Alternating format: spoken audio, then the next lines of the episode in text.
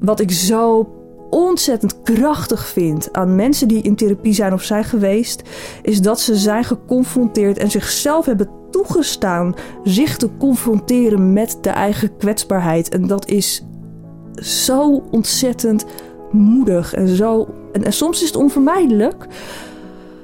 Maar het is zo krachtig en het is zo wezenlijk. En dat is eh, kwetsbaarheid, geloof ik, is het punt waarop mensen verbinding maken.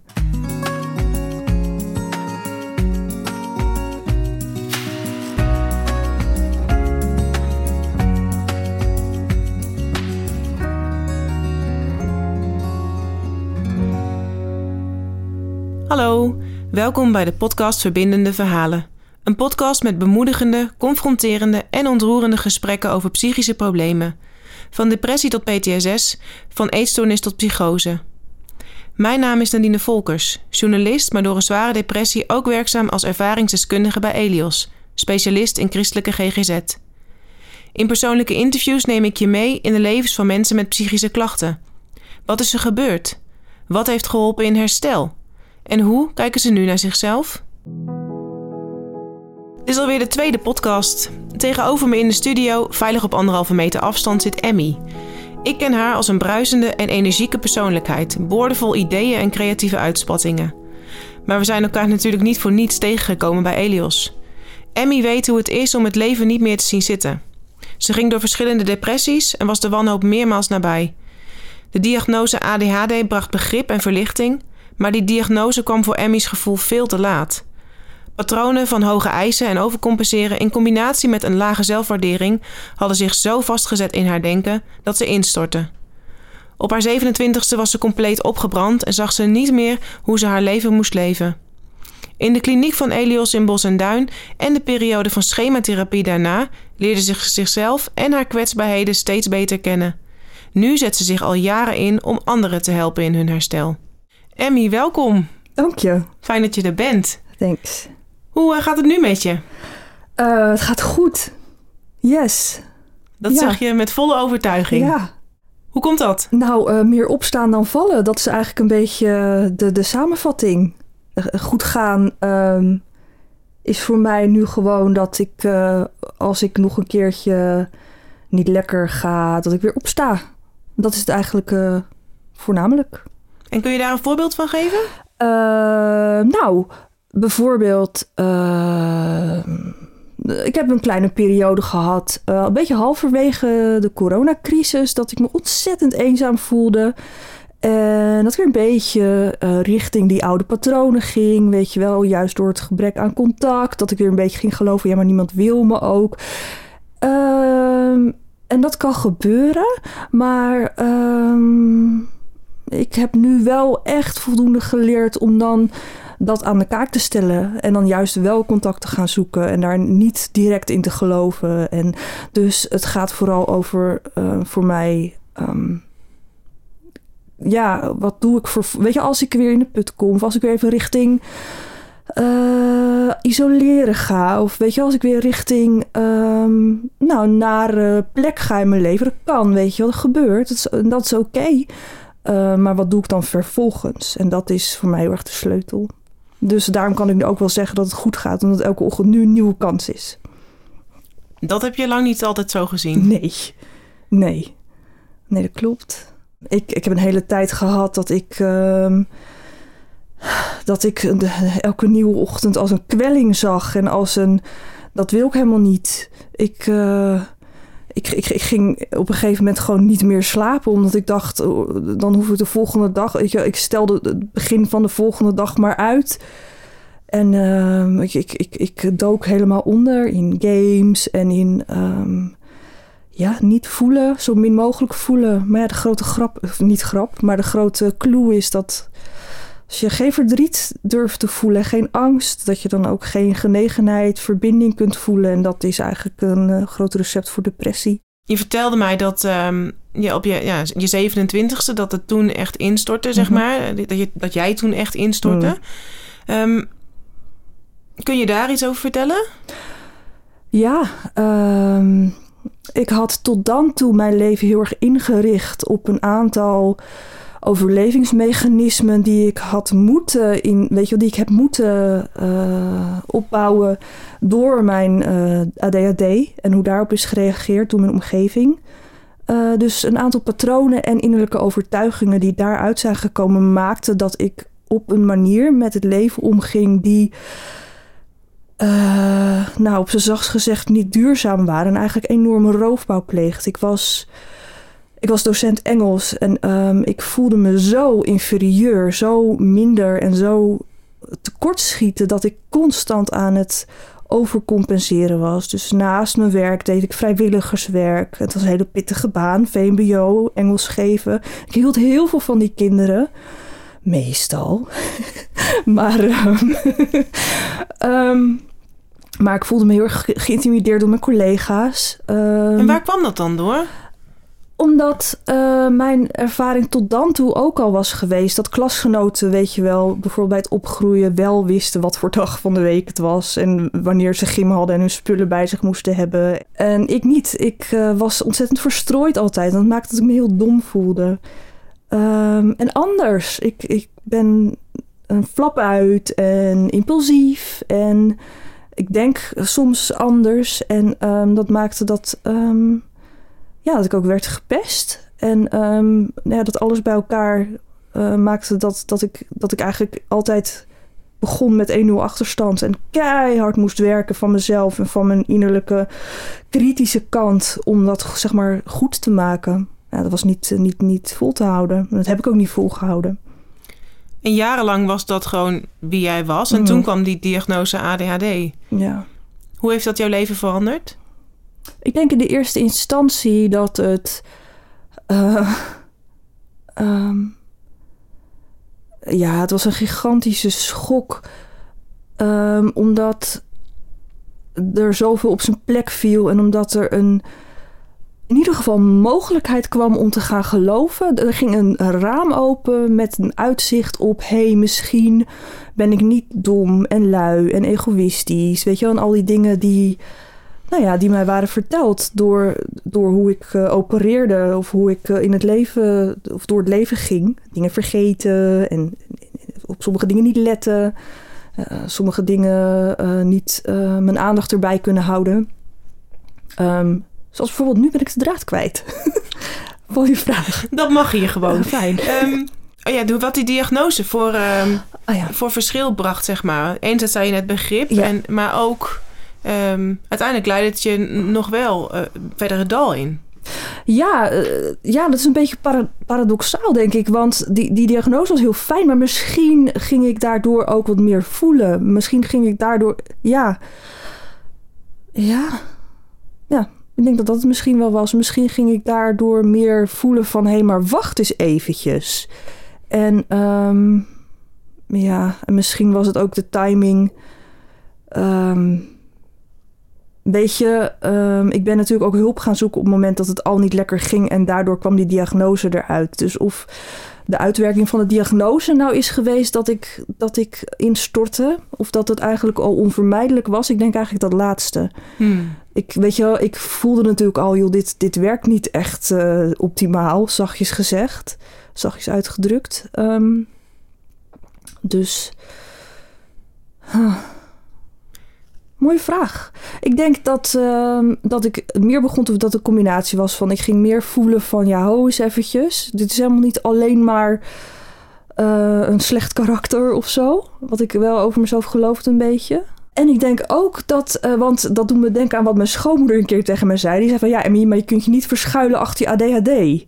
En toen zei ik, oh, let maar eens op of ik dat niet kan nu weet ik dat ik dit heb. En er zijn nu zoveel dingen die ik mezelf niet meer ga dwingen of eisen of kwalijk ga nemen.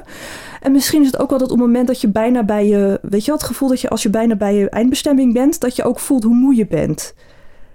Dus misschien is het ook wel dat, hoe, ja, dat ik toen ik eenmaal dichter bij mezelf kwam en eenmaal wat meer in de gaten kreeg van hé, hey, wat is er eigenlijk gepasseerd en wat heb ik eigenlijk van mezelf gevraagd, dat ik toen ook pas ging voelen van hoe op ik was. Ja, want uiteindelijk eh, werd je opgenomen in de kliniek. Hoe was dat voor je? Um, ik wilde absoluut niet. Ik uh, vond het helemaal niet nodig. Ik, um, Maar ik, ik, kon, ik kon mijn werk uh, voor de klas gewoon niet meer aan. Ik, uh, ik begon lichamelijke klachten te krijgen en.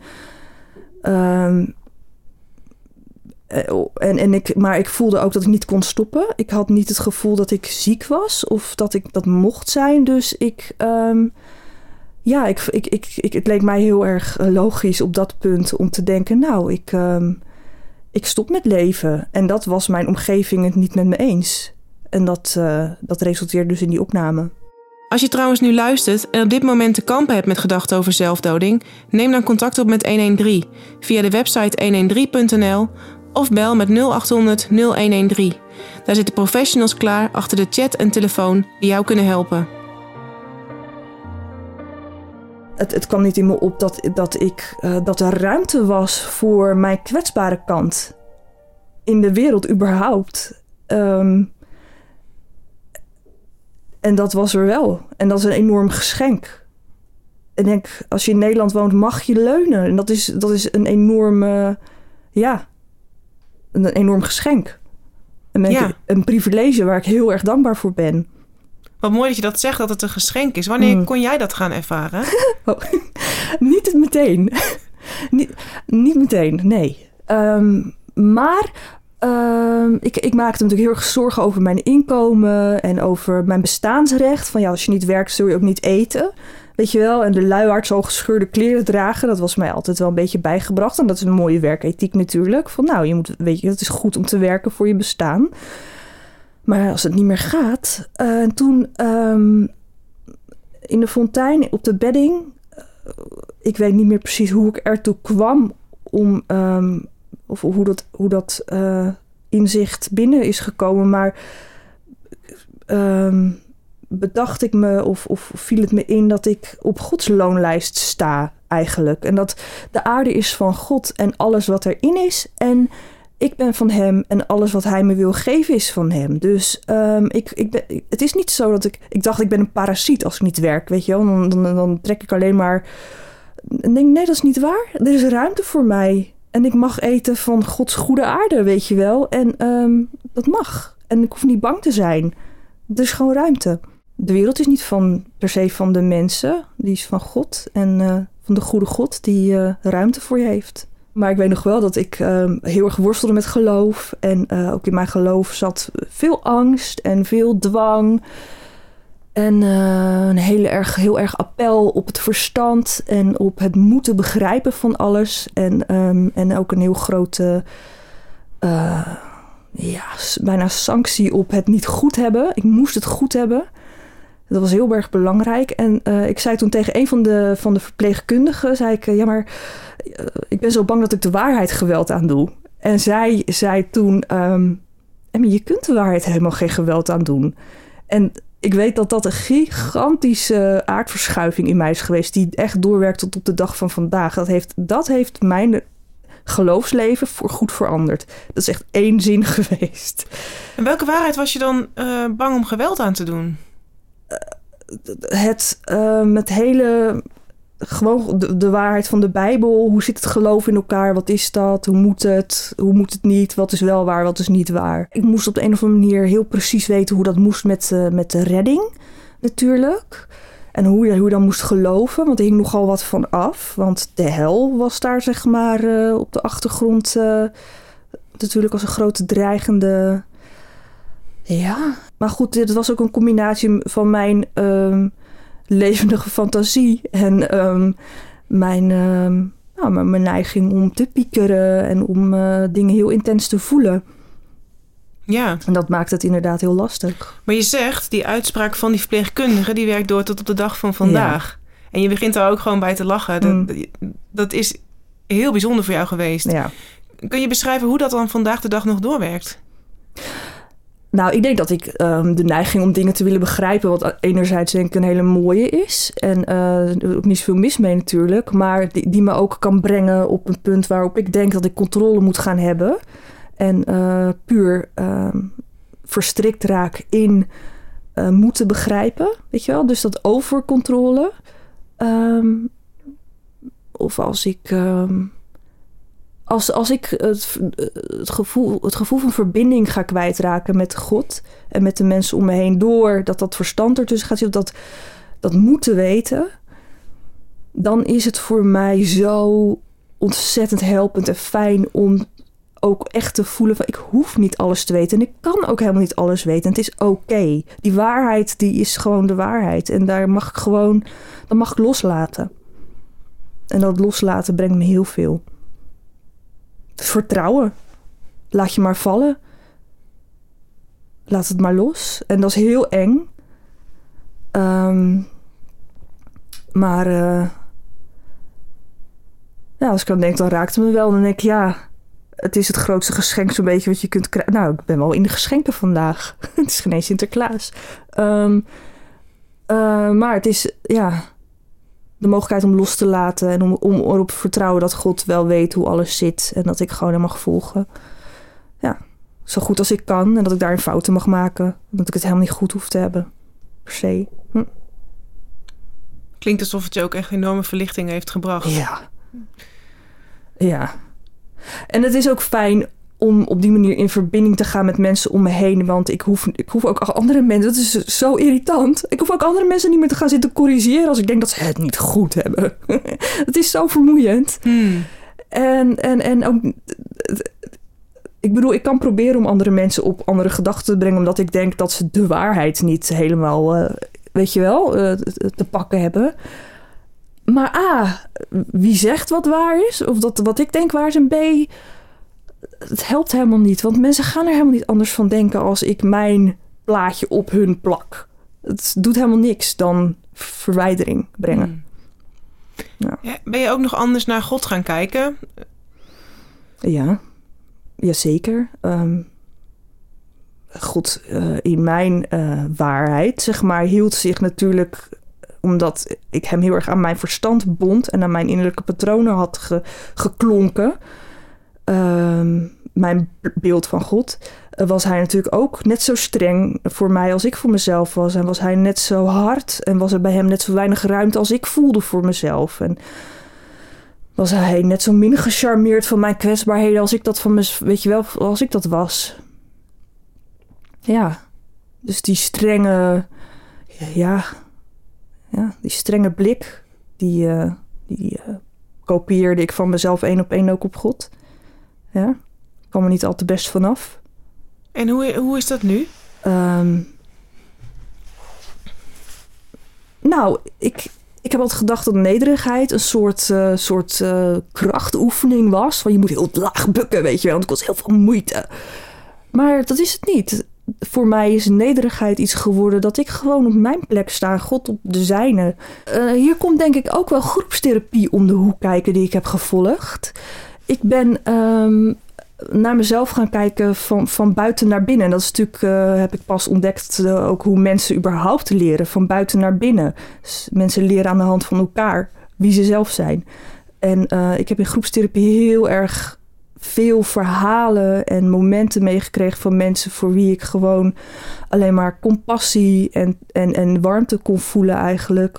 Weet je wel, dus als je mensen om je heen ziet worstelen en je eigenlijk voornamelijk denkt: ach, liever toch. En hey, um, wat, wat, weet je wel, en, en, voelt dat die ander dat waard is. Ja, op een gegeven moment is het een optelsommetje. Maar ja, als, als hij of als zij het waard is, dan ben ik het ook. Er is geen enkele reden meer om dit ook niet over mezelf te geloven. En zodoende is er in mijn hoofd en in mijn hart meer ruimte gekomen voor mildheid en kwetsbaarheid. En denk ik, als ik al van de mensen in mijn omgeving houd en er staat in de Bijbel dat God liefde is, dan is het onmogelijk dat God naar mij kijkt zoals ik dacht dat hij naar mij keek.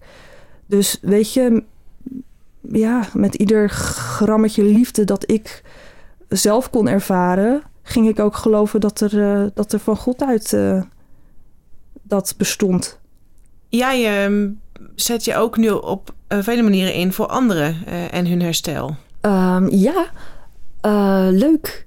Ik, een paar jaar geleden werd ik benaderd door iemand van Elios uh, uh, om mee te doen in de cliëntenraad. Dus daar zat ik.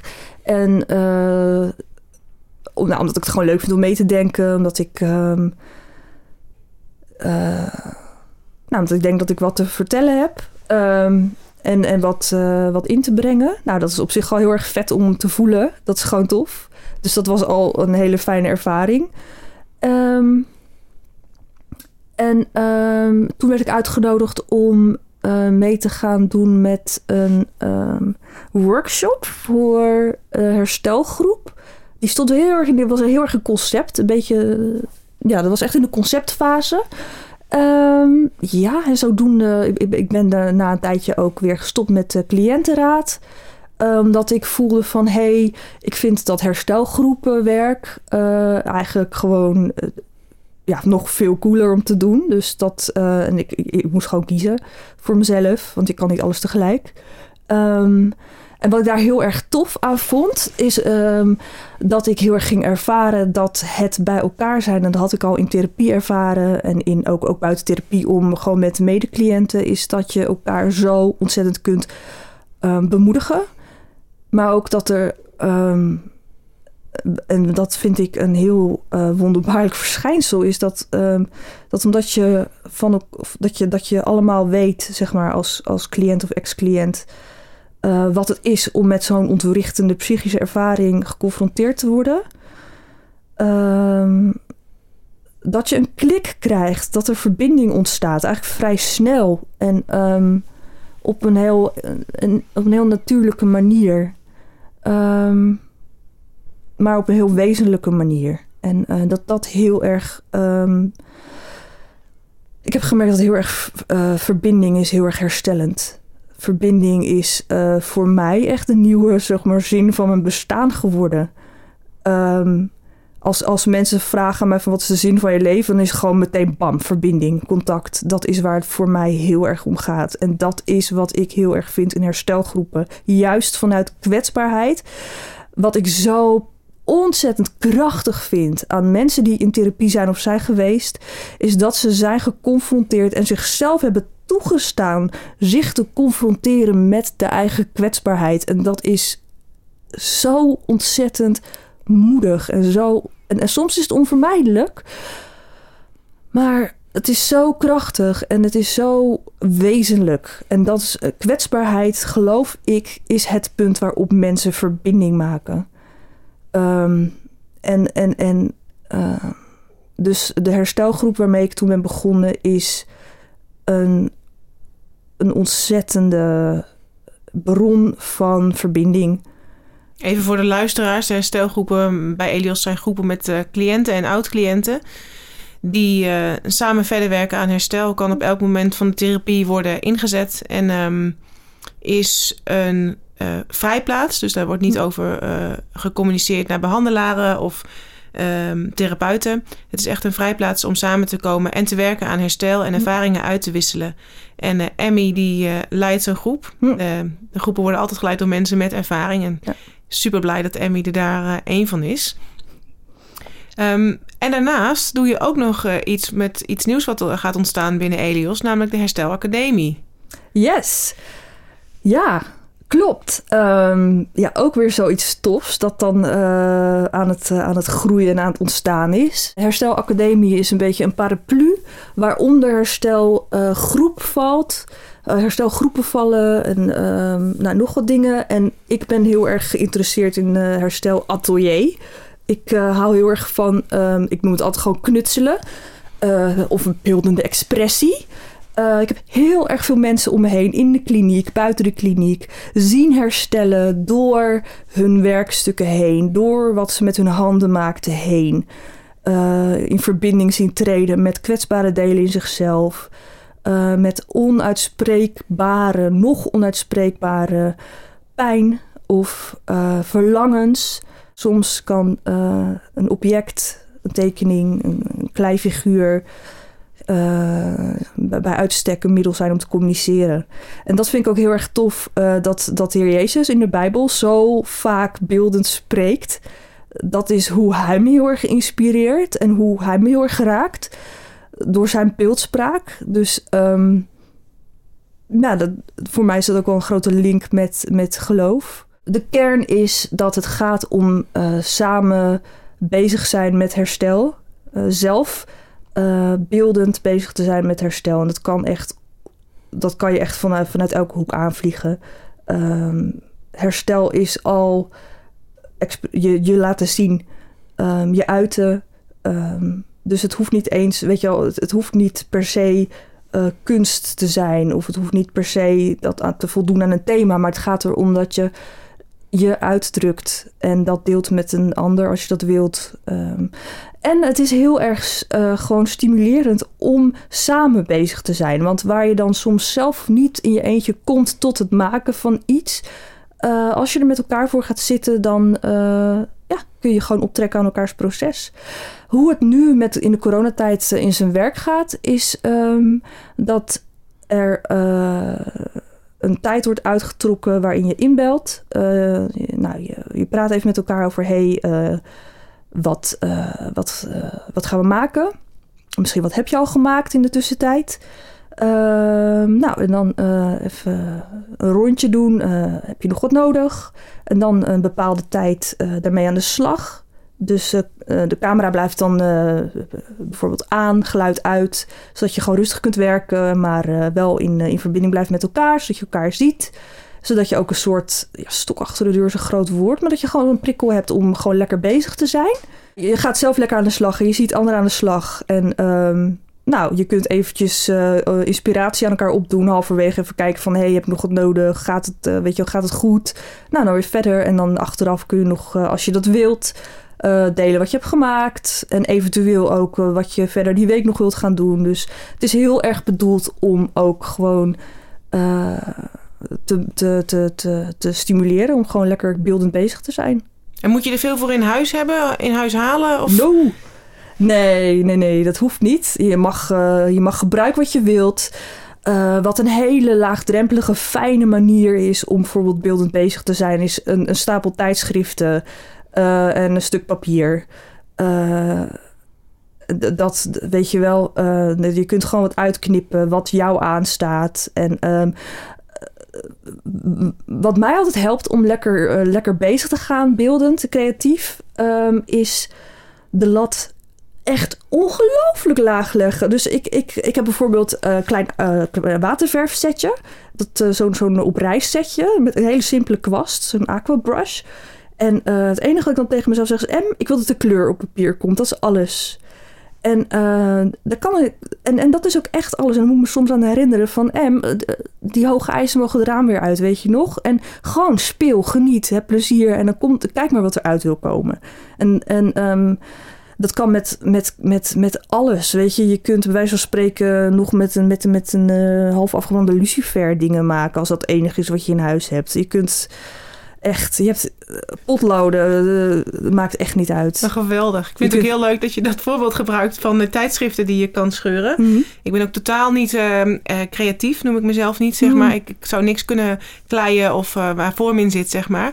Maar dat heeft mij destijds ook heel erg geholpen om beelden uit te, te scheuren. Misschien wel hoe je jezelf voelt, maar mm -hmm. misschien ook waar je naartoe zou willen werken. Dat dat gewoon een hele laagdrempelige manier is. Dus leuk dat het ook dat soort dingen, dat je niet nou ja, kunstzinnig hoeft te zijn nee. om straks mee te kunnen doen in dat herstelatelier. Nee. Gaaf.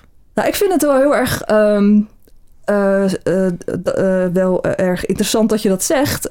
of mooi dat je dat zegt. Want ik hoor heel vaak mensen zeggen: waar, ik ben niet creatief. En dan denk ik: je hebt je eigen creativiteit. En, um, en daarin moet niks. Um, en inderdaad, uh, en dat heb ik zelf ook hoor. Dat ik denk van, oh, weet je wel, dat, het heel, dat er heel vaak een meetlat naast komt te liggen. En dan denk ik van, oh, dat hebben we heel erg meegekregen hè, op school met tekenen. En dan, dan moest er een cijfer aan verbonden worden. En dat is niet wat creativiteit is. En dat, uh, dat, ik geloof dat ik dat ook heel erg uit wil dragen. Ik denk van, oh, het is heel creatief, weet je wel, om in een tijdschrift jouw ding te vinden en om het gewoon lekker te laten stromen. Ja, dus, uh, Mooi. Ja. Jij uh, uh, hebt nu plannen om meer de creatieve kant ook zelf op te gaan. Je, mm -hmm. je wilt misschien wel uh, vaktherapeut beeldend worden. Mm -hmm. en zo um, eigenlijk een hele nieuwe weg inslaan, ook qua carrière. Ja. Um, hoe is dat? Want je bent uitgevallen op een plek als docent Engels voor het VMBO. Mm -hmm. En um, hebt heel lang niet aan, aan werken kunnen denken. Hoe, hoe is dat als dat nu weer een beetje in beeld komt? Um, het verschil met docent Engels was dat ik dat heel erg uh, verstandelijk had besloten, deels. Ehm, gewoon echt een optelsom van... oké, nou, Engels uh, kan ik, weet je wel. En uh, voor de klas, daar zijn genoeg banen in. Dat was eigenlijk mijn afweging. Deze maak ik heel anders. deze, mijn wens om beeldend vaktherapeut te worden... komt heel erg vanuit... Waar, waar, heb ik nou altijd lol in gehad, weet je wel? Wat, wat zit er nou in die kern van mij? En dat... Ja, daar komt altijd, daar komt altijd geknutsel uit. Vanaf kleins af aan al. En wat zit daar nog meer? Um, nou, ook altijd een hele grote. Um, gewoon nieuwsgierigheid naar wie is die andere mens nou en hoe verhoudt hij zich nou tot, tot, tot de mensen om zich heen en tot zichzelf en tot het leven. En los van uh, mijn therapie ben ik daar altijd al heel erg geïnteresseerd in geweest. En uh, ja, die, die kinderen, uh, waar ik net al refereerde, dat ik ze altijd heel of dat ik ze meestal heel erg leuk vond als docent Engels was ik ook altijd veel meer geïnteresseerd van hoe gaat het nou met jou en hoe sta jij nou hier? Hoe zit jij hier nou? Als je dat afvraagt, keer, nou, hoeveel kinderen zitten er in zo'n klas? Keer 25, dan raak je al vrij snel overspoeld, weet je. En als je daarnaast dan ook nog Engelse grammatica bij wil brengen, terwijl je eigenlijk aan een kind ziet dat hij daar helemaal niet is. Dat zo'n kind, dat zo'n kind midden in de scheiding van de ouders.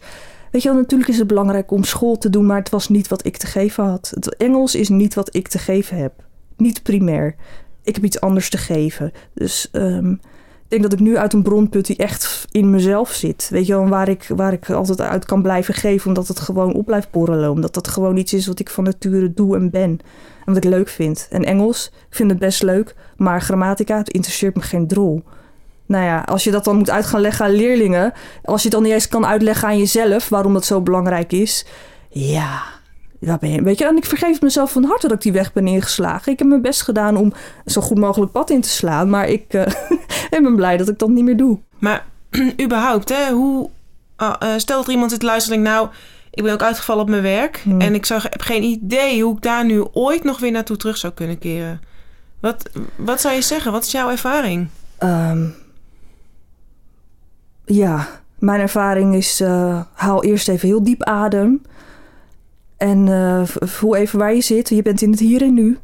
En, uh, en niet in het daar en dan, zeg maar. Dus uh, dat als, als, als, als allereerste, maak het alsjeblieft even klein. Ik, ik weet nog dat het me namelijk heel erg kon overspoelen. De angst van, wat moet ik ooit nog worden, weet je wel. En ik, je bent al iets, je bent een mens, weet je wel. En dat is goed genoeg. En daarnaast, um, kleine stapjes. Vanuit waar je staat, aller, aller, allerbelangrijkste is dat je dat echt zoveel mogelijk accepteert. Je bent waar je bent.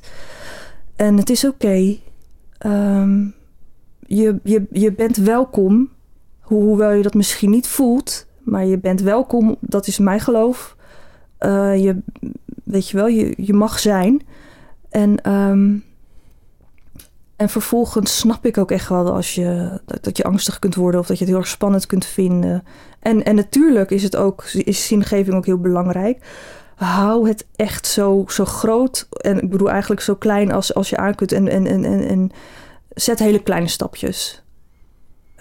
Heb je je ook afgevraagd, en wat als ik nooit meer aan het werk kom? Dat ik dat misschien eh, psychisch niet aan kan? Mm -hmm. Ja. Uh, ja, dat, daar gaat, dat, dat is denk ik een proces van, van diepe rouw voor mij geweest. Um, omdat je vanaf de kleuterschool, ik en ik denk heel veel mensen met mij, zo niet iedereen misschien, toch heel erg wordt uh, voorbereid op een werkend, uh, werkzaam leven. Wat wil je laten worden? Wat doe je? Weet je wel, dat zijn vragen die heel veel gesteld worden. Dus het is heel pijnlijk als je voelt dat het gewoon niet gaat. En als je misschien ook niet altijd kunt of zin hebt om uit te leggen waarom dan. En of het misschien ook niet altijd aan jezelf kunt verkopen. Weet je, soms kun je ineens ook kritisch worden van ja, waarom kan ik eigenlijk niet werken? Weet je, ik kan gewoon toch, kan toch ook hardlopen of kan toch ook eh, hobby doen, weet je wel. Dus nou ja, zeg, weet je wel, dus dat stemmetje kan ook opspelen. Je bent natuurlijk geneigd met z'n allen om heel erg te kijken naar wat zich voor je ogen afspeelt. Namelijk wat voor werk doet iemand, wat voor auto rijdt iemand, wat voor een, uh, wat voor een leefsituatie heeft iemand. En daar aan af te meten van nou, hoe, hoe succesvol is deze mens? En dat is niet hoe succesvol, hoe, hoe, dat is niet hoe een mens, geloof ik, is bestemd. Of, of, of bestem, bestempeld dient te worden. Mens is niet wat hij doet of heeft. Een mens is wie de, wie de mens is of zo. Dat is even misschien een beetje out there. Het gaat er niet om En dat is heel moeilijk te geloven in deze maatschappij. Weet je, dat, dat het er niet over gaat, dat, dat wat je voor ogen ziet. Hmm. En dat is een oefening, denk ik. En iedere keer weer teruggaan naar, naar je schepper en zeggen: wie ben ik? Ik vind het wel heel indrukwekkend wat je zegt. Want je hebt daar dus wel een periode van rouw uh, over moeten hebben. Uh, voor het feit dat je op dat moment niet meer kan werken. Maar Mm. ondertussen kijk je nu wel uit naar mogelijk een, een nieuwe loopbaan. Ja, misschien is, is, is uh, loslaten wel nodig om op een nieuwe manier vast te kunnen houden. Um, loslaten dat hoe jij een succes voor je zag, dat dat misschien de route niet is. En misschien is het de eerste stap om te aanvaarden dat, dat jij bent, wat, weet je wel, dat jij staat waar jij staat met de kwetsbaarheden die je hebt. En misschien als, als, als het lukt om dat te aanvaarden, kun je ook, weet je wel, die hoge eisen of wat er je dan ook maar belemmert loslaten om vervolgens weer op weg te gaan. Maar je zult denk ik eerst af moeten rekenen en moeten rouwen om dat wat je niet meer kunt. Om dan pas weer te kunnen gaan zien wat er dan wel kan. Ja. En dat vind ik ook heel belangrijk als je kijkt naar herstelgroepen en naar positieve gezondheid. Dan denk ik, yes, fantastisch. En, en er is ook altijd belangrijk, uh, het is ook altijd belangrijk dat er ook een moment is van wat niet, weet je wel? En wat moet stoppen en wat kan niet. En dat daar ook tijd voor is. Dus ja, verder, maar ook ja, zitten en voelen en, en huilen en rouwen en, en klagen. Jij zegt van ik ben bijna aan het einde van een, uh, van een uh, heel lang proces. Um, wat zou je willen zeggen tegen iemand die op dit moment in die diepe put zit en het eigenlijk uh, niet meer zo ziet zitten? Um, je, je, als je midden in die put zit, dan, uh, dan zie je het, weet je wel, dan is het is een hele logische plek om het niet te zien zitten. Als dat, uh, je zit er middenin, dus nee, je ziet het niet zitten. Maar um, de, er is wel degelijk een uitkomen aan, zeg maar.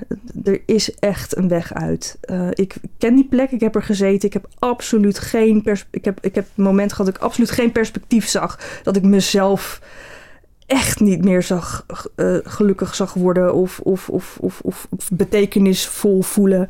Maar het is absoluut wel mogelijk. Ik kan, ik kan je wel vertellen dat het je, dat het je echt gaat helpen om het niet meer alleen te doen. Je hoeft het niet alleen te doen, maar als je het niet kunt, dan moet je het ook gewoon niet blijven doen. Dus misschien een beetje, een beetje streng ook. Een stukje erin.